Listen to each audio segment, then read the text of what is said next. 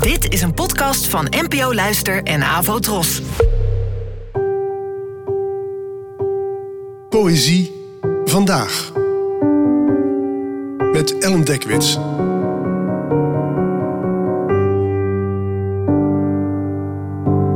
Hallo, fijn dat je luistert. Het gedicht van vandaag heet Afsluitdijk en werd geschreven door de Nederlandse dichteres Vasalis, geboren in 1909 en gestorven in 1998. Afsluitdijk. De bus rijdt als een kamer door de nacht. De weg is recht, de dijk is eindeloos. Links ligt de zee, getemd maar rusteloos.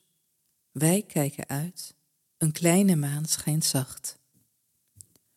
Voor mij de jonge pas geschoren nekken van twee matrozen, die bedwongen gapen en later, na een kort en lenig rekken, onschuldig op elkanders schouders slapen.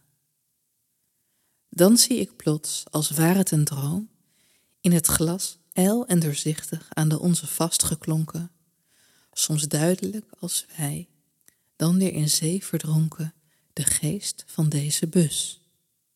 Het gras snijdt dwars door de matrozen heen, daar zie ik ook mezelf. Alleen, mijn hoofd deint boven het watervlak, beweegt de mond als sprak het een verbaasde zeemermin.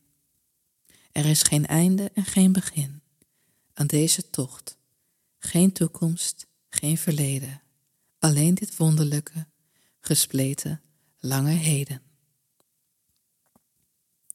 Wat ik zo leuk vind aan de winter is dat het een groot gedeelte van de dag donker is, waardoor je ramen kunnen veranderen in gedimde spiegels, wat natuurlijk weer iets doet met zowel je ervaring van buiten als van binnen.